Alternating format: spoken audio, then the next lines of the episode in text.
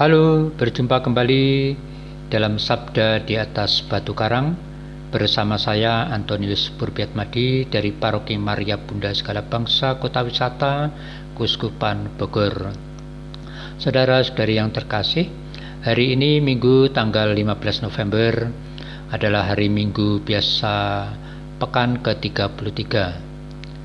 Bacaan kitab suci secara liturgi Bacaan pertama dari kitab Amsal bab 31 ayat 10 sampai ayat 13 dilanjutkan ayat 19 sampai dengan ayat 20 dan ayat 30 sampai dengan ayat 31.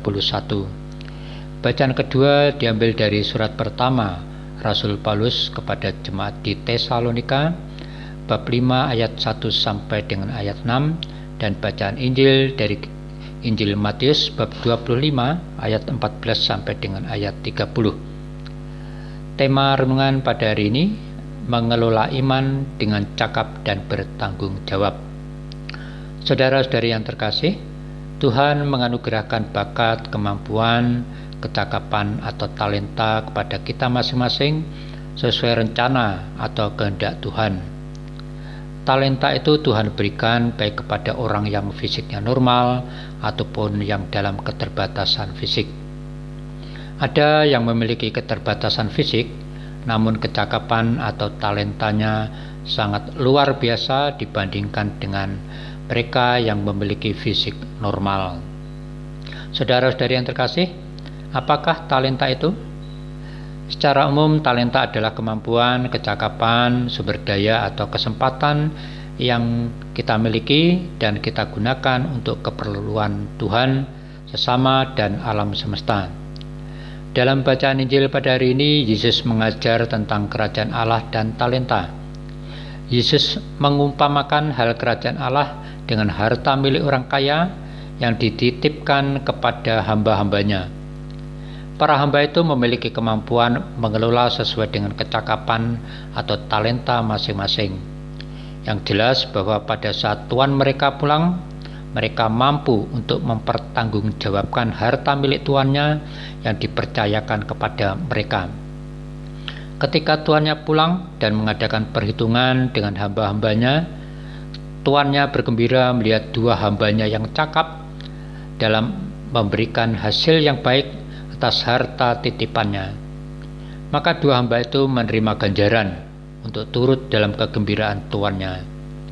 Sebaliknya, ketika tuannya kecewa atas hamba yang jahat dan malas dalam mengelola hanya satu talenta saja, hamba itu memperoleh hukuman. Saudara-saudari yang terkasih, perumpamaan Yesus tentang harta titipan milik orang kaya tersebut adalah gambaran tentang iman atau suatu harta kekayaan surgawi yang Tuhan titipkan kepada kita. Iman adalah titipan Tuhan. Tuhan berharap harta iman itu dapat bertambah atau berkembang. Sedangkan talenta adalah kreativitas, kemampuan, kecakapan, atau tanggung jawab kita dalam mengembangkan, memperbanyak harta iman itu. Kelak, jika Tuhan datang kembali untuk mengambil titipannya itu, kita dapat memberikan kembali kepadanya dengan penuh tanggung jawab. Saudara-saudari yang terkasih, perihal tuan pemilik harta yang bepergian ke luar negeri dan tidak jelas kapan waktu pulangnya kembali, itu adalah gambaran tentang diri Yesus kedatangannya kembali yang tidak tahu juga kapan jadwal kedatangannya. Selama waktu menunggu kedatangan Tuhan, yang tidak tahu kapan waktunya, maka dengan talenta, daya kemampuan, atau kreativitas kita, kita berusaha untuk mengembangkan harta iman itu.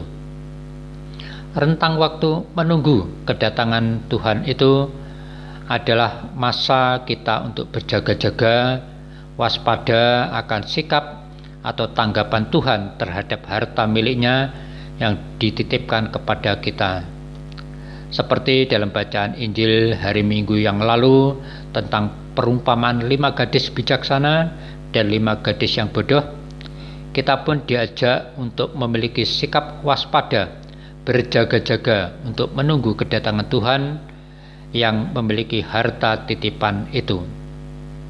Saudara-saudari yang terkasih, dalam bacaan kedua Rasul Paulus juga mengingatkan kita untuk sikap berjaga-jaga, waspada dan sadar diri jangan sampai kita hidup dalam kegelapan supaya harta titipan Tuhan itu tidak dicuri.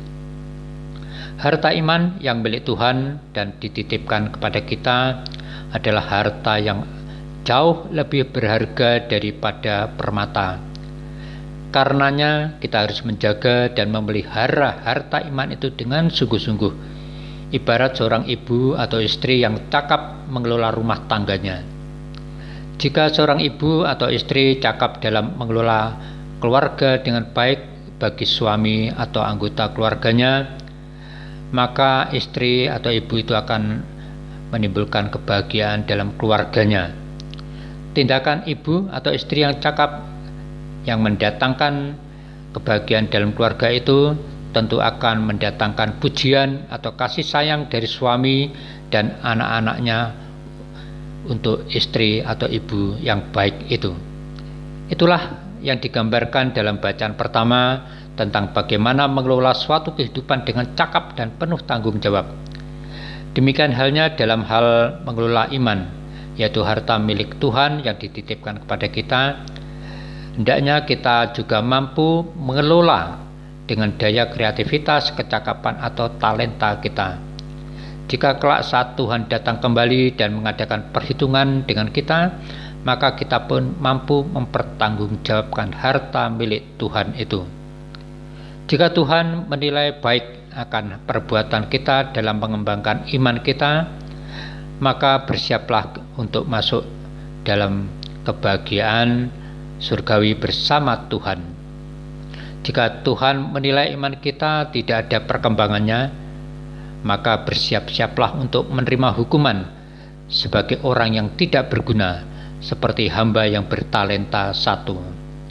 Saudara-saudari yang terkasih, sabda Tuhan hari ini mengajak kita untuk jangan mengubur talenta yang Tuhan berikan dan jangan takut untuk melakukan hal-hal yang sifatnya kreatif dalam menumbuh kembangkan iman kita. Semoga dalam masa hidup kita di dunia ini kita dapat memanfaatkan untuk berjaga-jaga dalam menunggu kedatangan kembali Tuhan dengan mengelola iman yakni harta surgawi milik kita secara cerdas dan bertanggung jawab.